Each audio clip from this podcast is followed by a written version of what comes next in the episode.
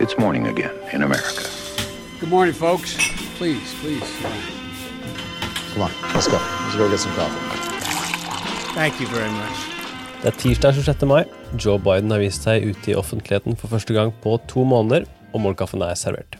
Det var Memorial Day i USA i går, så det blir en nokså kort utgave av morgenkaffen. Men den første saken Joe Biden var altså ute i offentligheten i går etter to måneders delvis selvpålagt koronakarantene hjemme i huset sitt i Delaware. Han markerte Memorial Day ved å legge blomster på et krigsminnesmerke sammen med kona Jill. De brukte begge sorte masker i henhold til koronatiltakene som er implementert.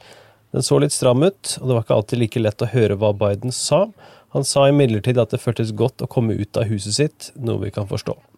Han takket videre amerikanske soldater for sin tjeneste for landet, og understreket viktigheten av at resten av befolkningen ikke må glemme deres offer.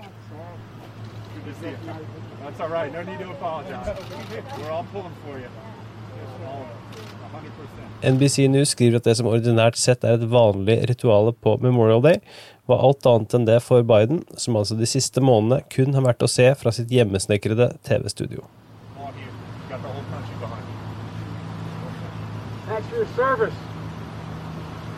Dagens andre og siste sak. President Trump truer med å flytte republikanernes landsmøte, planlagt avholdt i august i North Carolina, dersom ikke North Carolinas demokratiske guvernør Roy Cooper garanterer at koronarestriksjonene avsluttes innen den tid. Bakgrunnen her er at Trump og republikanerne håper å kunne arrangere et langt mer dynamisk landsmøte, med tilskuere og det hele, sammenlignet med demokratene, og da tilsynelatende uavhengig av guvernørens koronarestriksjoner.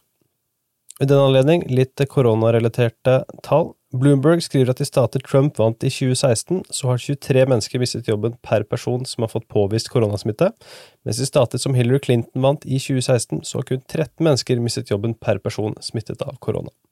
Fremstillingen illustrerer at i såkalte Trump-stater, fra 2016 altså, så har koronapandemien i første rekke vært økonomisk, hvilket igjen kan forklare en større tilbørlighet og ønske om å gjenåpne landet. Når det er sagt, så er ikke mattestykket så enkelt. Washington Post skriver at koronaviruset i starten traff hardest i byområdene, mens mindre befolkede områder i stor grad var spart for smittespredningen. Dette har imidlertid begynt å snu, og mindre befolkede områder har nå prosentmessig noen av de høyeste tallene av koronasmitte og koronadødsfall i USA. Dagens utgave av Målkaffen er servert av Ingrid Sofie Stangeby Wendsel og undertegnede Are Togoflaten. Du leser mer på amerikanskpolitikk.no.